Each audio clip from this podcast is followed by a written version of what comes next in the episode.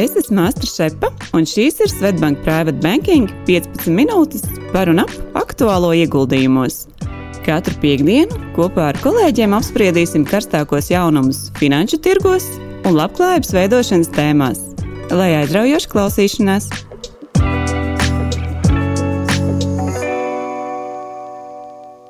Labdien, Svetbank Private Banking klientiem! Šodienas podkāstā esmu kopā ar Svetbank privāto banķieru Maiju Janēti. Čau, Maira! Čau, Astra! Un kopā ar Mairu mēs šodien runāsim par lielo attīstības valstu finanšu tirgu sniegumu 22. gadā un to, kādi būs galvenie faktori, kas ietekmēs šo tirgu attīstību 23. gadā. Runāsim par Ķīnu, Indiju, Brazīliju, nedaudz pieskaroties arī Turcijai, kas ir šī gada īpašā rekordiste. Un runājot par Brazīliju, Maija pēdējā laikā ziņu virsraksti ir pilni ar ziņām no Brazīlijas. Kas tur īsti notiek? Jā, Brazīlijā no, notiek politiskie nemieri. Pagājušo svētdienu, 8. janvārī, Brazīlijas galvaspilsētā izcēlās vēlēšanās zaudējušā prezidenta Bolsonaro atbalstītāju protesti. Un, uh, tie tiek salīdzināti ar 6. janvāra notikumiem ASV, kad Kapitolijā ielauzās uh, Donalda Trumpa vēlētāji, kuri nevēlējās samierināties ar vēlēšanu rezultātiem. Nu, un, jā, arī Brazīlijā ir līdzīga dežavu sajūta, uh, kur protestētāji arī protestē prošē, pret šo Lula de Silvas uzvaru, kas tika iegūta tikai ar 1% pārsvaru. Paldies, Maira, par Brazīliju. Vēl parunāsimies pēc tam arī tālāk, bet, ja runājam par kopējo attīstības tirgu sniegumu 22. gadā, tad MSCI Emerging Markets Index, kas nosedz 85% no 24 galveno attīstību tirgus kapitalizācijas, pagājušajā gadā ir nokrities par 20%, kas ir arī tikpat, cik kopējais pasaules MSCI All Country Index, par ko runāju pagājušajā podkāstā.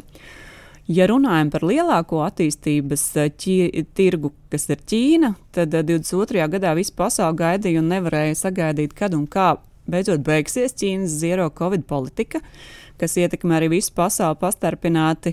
Un 22. gadā Ķīnā papildus vairāk kārtējiem covid viļņiem ar eh, sekojošiem mēģinājumiem to stingri ierobežot, Ķīnas ekonomika cīnījās arī ar nekustamo īpašumu tirgus krīzi samazinātu iekšējo patēriņu, kā arī ar eksporta tirgus pieprasījumu kritumu pēc Ķīnas precēm un produktiem. Un, uh, gada beigās Ķīnas prezidents Xi Jinpings pēc lieliem uh, iedzīvotāju protestiem Covid politiku ievērojami mīkstināja, kam bija pozitīva ietekme arī uz Ķīnas finanšu tirgiem gada noslēgumā un šī gada sākumā. Tomēr, ja skatāmies uz kopējo 22. gada sniegumu, tad šis MSCI China indeks, kas sevī arī iekļauj 85% no Ķīnas kapitalizācijas, nokrita par 23%, kas ir lielākais kritums kopš 8. gada. Un, ja runājam par konkrētiem spēlētājiem, tad jau no Ķīnas šī indeksa starp top 10 lielākajiem kapitalizācijas spēlētājiem arī arī emerging market indeksos, tad Ķīnā joprojām lielākie ir šie e-komercijas izklaides un tehnoloģiju milži - Tencent, Alibaba, Meitians un JD.com kas ir lielākie, lielāko kapitalizāciju spēlētāji Ķīnā. Jā, un zinām, ka tehnoloģijas stāsts pēdējos divos gados nav bijis īpaši veiksmīgs. Un kā tu saki, ka Ķīnā ir ļoti liels īpatsvars šo te tehnoloģiju uzņēmumu, kā tad uh, viņiem ir veicies un cik liela ietekme ir bijusi uz Ķīnas uh, tirgiem? Kopumā, jā, tā kā, tā kā viņu šis sniegums nav bijis starp lielākajiem zaudētājiem vai ieguvējiem iepriekšējā gadā, jo, kā, kā jau runājām, tad, tad viņi ir cietuši jau 21. gadā no šīs Ķīnas valdības rīcības un ierobežojumiem. Tad lielākie vinnētāji īstenībā ir pavisam citas nozares. Pagājušajā gadā tas viens ir saules panēļa ražotājs Džinko Solar, pateicoties labvēlīgiem tirgus ap, apstākļiem un arī īpašai tehnoloģijai, kas nodrošina vienu no labākajiem saules enerģijas konversijas rādītājiem pasaulē. Divi lielākie ieguvēji ir arī divi farmācijas uzņēmumi, viens no kuriem China Mehiko ir ieguvis tiesības Ķīnā tirgot Pfizer Covid zāles, Plaksovit. Un, ja runājam par zaudētājiem, tad, tad uh, lielākie zaudētāji ir viens nozars pārstāvji uh, elektroautoražotājs Sīpeng un NIO, kas ir nokrituši attiecīgi par 81 un 69%, kur pamatā ir bijis pusvadītāju trūkums, uh, izmaksu kāpums un sabremzējies pieprasījums. Un tā skaitā īstenībā arī sāsinājusies konkurence, kur viņiem ir jākonkurē ar tādiem vārdiem kā Tesla un arī diviem lieliem Ķīnas spēlētājiem BV. BYC un Guangzhou Automobile Group. Vēl divi lieli kritumi ir bijuši arī nekust, Ķīnas nekustamā īpašuma nozares spēlētājiem. CIFI holdings grupa, kas krits par 77%, un arī uh, tehnoloģiju ražotājiem Goertek, kas nokrits par gandrīz 70%. Tā iemesla dēļ, ka viņa galvenais klients Apple ir izvēlējies uzsākt uh, telefonu ražošanu Indijā. Jā, tas īsumā par Ķīnu. Maira, varbūt pastāsti, paturpini savu stāstu par Brazīliju. Kā tad šī politiskā situācija ir ietekmējusi arī finanšu tirgus attīstību? Jā, kopumā Brazīlija 2022. gadā aizvedēja tādā pirmsvēlēšana gaisotnē, bet at, atšķirībā no citiem attīstības tirgiem, it īpaši Ķīnas, Brazīlijas indeks IBOVSPA tomēr parādīja labākus rezultātus, un, un tas pieaug vietējā valūtā par 5-6% gada griezumā. Nu, un eiro izteiksmē attiecīgi par 19 un dolāros par 13%, jo Brazīlijas reāls uh, nostiprinājās. Brazīlijas ekonomika kopumā, salīdzinot teiksim, ar Ķīnu vai tās pārstāvētās nozeres, ir salīdzinoši vienkāršas. Tās galvenās pārstāvētās nozeres ir izējuma materiālu un metālu ieguve, enerģijas sektors, finanšu pakalpojumi. Atšķirībā no Ķīnas, Brazīlija, tāpat kā liela daļa pasaules pagājušo gadu, cīnījās ar inflāciju. Un, lai arī gada vidū tā sasniedz divu ciparu skaitli, Kopumā gada griezumā tā apstājās pie 5-6%. Un, un galvenais nopelns, protams, bija bankas, centrālās bankas stingrā politika attiecībā uz procentu likmēm, un tā šobrīd ir ap 13%. Un, protams, arī tas, ka Brazīlijas vietējā valūta pret dolāru nostiprinājās. Um, Brazīlija ir lielākā Latvijas Amerikas valsts. Um, Un, kā jau minēju, ekonomika balstās uz resursu ieguvi. Tā ir bagāta ar naftu, gāzi un metāliem. Un, un tās pa, uh, pasaulē lielākais uzņēmums uh, Valley, kas ir dzelzs rūdas un niķuļu ieguvējs, tam ir vislielākais svars arī Bovespā uh, akciju indeksā. Nu, kopumā Valley akciju vērtība 22. gadā pieauga un izēvielu cenu, uz, uz izēvielu cenu pieauguma rēķina dēļ Krievijas uzsāktā kara Ukrainā. Tad eh, viens eh, no lielākajiem milžiem, Petrobras, eh, kas ir Brazīlijas valstī piedarošais naftas un gāzes iegūs uzņēmums, tā akciju vērtība gada sākumā līdz ar naftas gāzes cenu kāpumu pieauga, bet attiecīgi arī pieaugums atkāpās uz gada beigām. Nu, 25% no indeksā pārstāvētajiem uzņēmumiem sastāda finanšu pakalpojumu sniedzēji. Nu, valstī, kurā ir virs 200 miljoniem iedzīvotāju, ir liela iespēja sniegt šos finanšu pakalpojumus. Tā lielākā banka Brazīlijā ir Ito Unibanko, Banko Bradesco un, un akciju birža B3. Tātad, attiecīgi, šīs nozares arī ir, šī nozara ir lielu svaru indeksā. Nu, un arī šo pieminēto uzņēmumu akcijas ir nopērkams arī ASV un Eiropas biržās. Uh, tad, kā jau minēju, 22. gadā Brazīlijā notika prezidenta vēlēšanas. Eh, tā bija sīva cīņa starp eh, līdzinējo prezidentu Bolsonaro un bijušo prezidentu Lulde Silvu, kurš ieguva tikai 1% pārsvaru pār Bolsonaro. Nu, līdzinējā Bolsonaro politika tika ļoti kritizēta starptautiski gan par pandēmijas apkarošanas pasākumu nēsamību, gan arī par viņa homofobiskiem uzskatiem, gan arī par um, meža izciršanas tempa pieaugumiem. Un uh, Bolsonaro daudz tiek salīdzināts ar Donaldu Trumpu. Un, uh, tomēr tas arī ir diezgan populārs Brazīlijas iedzīvotāju vidū, par ko arī liecina šie protesti. Uh, Uh, nu, jāsaka, ka tā kā Brazīlijas ekonomika ir balstīta uz fosiliem enerģijas avotiem, nu, tas atturējas arī pēdējos gados investors, kuriem ir svarīgies ilgspējas, ilgspējas un ESG principi. Un tāpat tās arī Brazīlijā ir bažas par cilvēktiesību jautājumu ievērošanu un sociālo nevienlīdzību. Tāpat tās liels cerības tiek liktas arī uz jauno prezidentu. Uh, jā, politikai ir liela nozīme. Uh, liela nozīme tieši attīstības tirgos un jāņem vērā arī investoriem. Bet kā tad ir gājis uh, vienā no lielākajiem attīstības tirgu uh, tirgiem Indijā? Kā tad viņiem ir 22. gadā veicies? Jā, paldies, paldies Maira, par ļoti interesantu izklāstu par Brazīliju. Par Indiju viņiem ir veicies labi, un man liekas ļoti interesanti, jā, ka stāstam, ka tas kopējais pasaules tirgu kritums ir gana liels, tad uh, gan Brazīlija, gan Indija ir uz, uzrādījušas vienu no labākajiem sniegumiem pasaulē. Indijas gadījumā izvairoties no augstākām likmēm un ekonomikas sabremzēšanās ietekmes, un SP BSS Sensex indeks 22. gadā pieauga par 5,77% eh, lokālajā valūtā. Un, ja runājam par pagājušā gada rekordiem, tad Indijas uzņēmumu labie peļņas rādītāji ļāvuši Indijas akciju indeksiem pacelties uz eh, rekordlīmeņiem kopējās kapitalizācijas ziņā apsteidzot apvienoto karalisti. Ja runājam par konkrētām nozarēm un pagājušā gada lielākajiem minētājiem un zaudētājiem, tad lielākie ieguvēji ir bijuši viens ir banku sektors, kura vērtības pieaugumi ir veicinājis strauju kredītu pieprasījumu pieaugums, un otrs ieguvējs ir bijis trešais pasaulē bagātākais cilvēks Gautam Adani kura, kura uzņēmumu grupa, kas darbojas visdažādākajās jomās, tā skaitā enerģētikā, kurai pagājušajā gadā ir gājis ļoti labi, ir, ir ievērojami augusi vērtībā. Ja runājam par zaudētājiem, tad šeit arī ir divas galvenās grupas, kas abas saistītas ar tehnoloģijām. Tad vien, viena no lielākajiem zaudētājiem ir bijuši Indijas tehnoloģiju uzņēmumi, kuri veica IPO Indijas biržā 21. gadā vai 22. gada sākumā, un vismaz pagaidām nav attaisnojuši uz sevi sākotnēji liktās cerības. Un otra grupa ir uh, programmatūras izstrādes, jeb software ārpakalpojumu sniegšanas firmas, uh, kas cieta no pakalpojumu pieprasījuma krituma ārvalstīs. Starp diviem Indijas lielākās kapitalizācijas uzņēmumiem viens arī ir Infosys, kas tieši arī ir software, software spēlētājs. Tas ļoti īsi par Indiju. Uh, Maira, es zinu, ka arī Turcija ir sasniegusi pagājušajā gadā rekordus, un uh, ļoti interesanti paklausīties, kas šim ir bijis pamatā. Ja paskatās tā kopējā valstu fona, tad Turcija ļoti, ļoti, ļoti izceļas. Jā, tā ir. Turcija noteikti ir jāpiemina.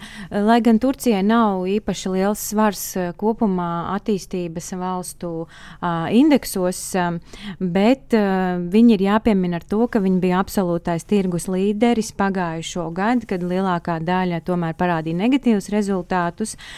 Turcijas simts lielāko uzņēmumu akciju indeks Turcijas liras izteiksmē pieauga vairāk par 200%, un dolāros arī pieaugums bija un eiro virs virs 100%. Nu, vai šis pieaugums ir vērtējams kā veiksmes stāsts un uz kā rēķina tas noticis, ir diskutabls jautājums, jo galvenie faktori, kas eh, virzīja šo akciju cenu kāpumu, bija inflācija, un kas vairākus mēnešus Turcijā turējās virs 85%. Nu, inflācijas iemesls, kā visur pasaulē, bija energoresursu cenu pieaugums. Turcija importē naftu un gāzi, un arī atkāpjoties pandēmijai, pieauga ekonomiskā aktivitāte. Nu, kā mēs zinām, tradicionāli galvenais centrālo banku instruments inflācijas ierobežošanā ir procentu likuma paaugstināšana, taču prezidents Erdogans izcēlīja izcēlās ar saviem lēmumiem un pretēji e, centrālās bankas vadītāja ieteikumiem izvēlējās citu ceļu kā pārējās valstis, par prioritāti nosakot izaugsmu un eksporta apjomu pieaugumu. Un procentu likmi viņš lika samazināt e, no 14% uz 9%. Tādējādi arī Turcijas lira gada laikā zaudēja vērtību par gandrīz 30% pret dolāru. Un tas, protams, ievērojami samazināja iedzīvotāju pirktspēju. Un, lai kaut nedaudz paglābtu savus iekrājumus un aizsargātu savu kapitālu, vietēji investori devās uz biržu. Nu, kad inflācija ir milzīga, procentu likmes neadekvāti zemes, tam uh, nav daudz citu iespēju, kā saglabāt savus iekrājumus. Līdz ar to arī Stambulas biržā vietējo ieguldītāju aktivitāte ievērojami palielinājās, zenot uz augšu akciju vērtību.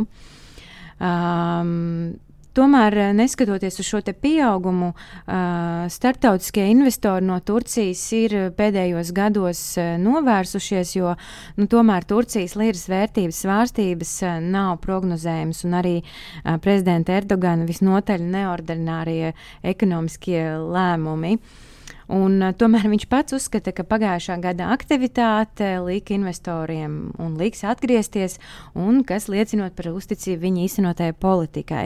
Bet nu, īsi par uh, Turcijas ekonomiku, tās lielākā nozara ir lauksainiecība, um, kvieši, kokvilni, piena produkti, augļu dārzeņi, bet nu, biržā pārstāvētākā nozara ir rūpniecība, un Turcijā tiek ražotas mājasemniecība elektropreces. Esam noteikti dzirdējuši tādas zīmolas Vestel un Beko. Un uh, liela nozara ir metāla ieguve un finanšu pakalpojumi.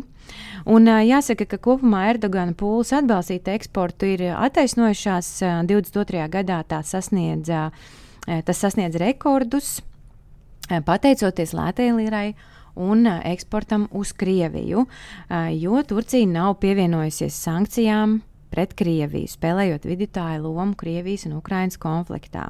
Nu, jāsaka, ka šis ir diezgan eksotisks tirgus starptautiskiem investoriem, un tās iespējas ir dikti ierobežotas e, ieguldīt Turcijā.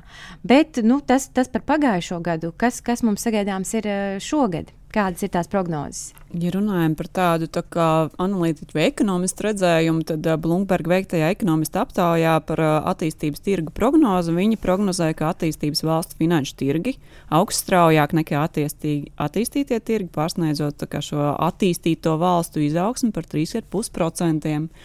Ja runājam jau detaļās par Ķīnu, kas ir noteikti lielākais attīstības tirgus, tad nu, kopumā arī tur vismaz daļa analītiķu uzskata, ka 23. gads Ķīnas akcijām solis būs labvēlīgāks, kur palīdzēs noteikti gan, gan šī Covid politikas mīkstināšana, un arī tas, ka Ķīnas valdība ir noteikusi ekonomiskās situācijas uzlabošanu kā savu galveno prioritāti iesākusi aktivitātes jau pagājušajā gadā, lai uzlabotu nekustamā īpašuma sektora veselību, devusi arī mājiņas par atbalstu nozarēm, kas cietušas no Covid.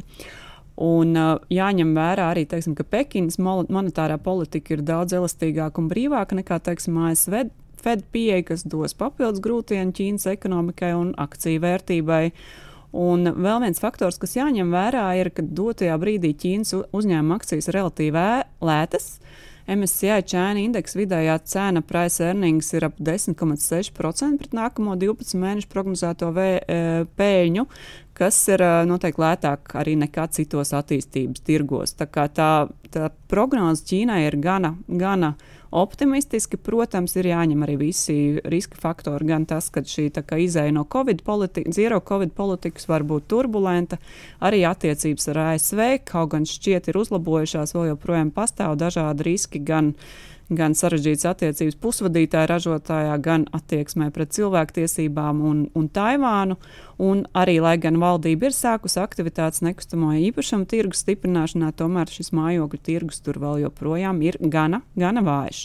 Bet, nu, tā sasumējot, šķiet, ka pagājušā gada sniegums Ķīnā ir bijis diezgan ilgā periodā sliktākais finanšu tirgos, tad tā 23. gada prognoze izskatās gana, gana optimistiska. Kā ar Brazīliju? Kāds ir tās vērtējums? Maira? Jā, e, nu, Brazīlijas e, šis PIB rādītājs vai cena pret e, peļņu, akcijas cena pret peļņu ir vēl zemāks. Nu, jāsaka, ka Brazīlijas ekonomiku virza un arī teiksim, šo te akciju cenu kāpumu nosaka arī šie izēvielu cenu kāpums vai kritums. Jā, redzēsim, kā tas pasaulē attīstīsies, bet kopumā tā prognoze ir diezgan pozitīva tieši Brazīlijai dēļ politiskās situācijas valstīs, jo šis jauna, jaunievēlētais prezidents tiek uzskatīts uh, um, starptautiskiem investoriem um, par draudzīgāku.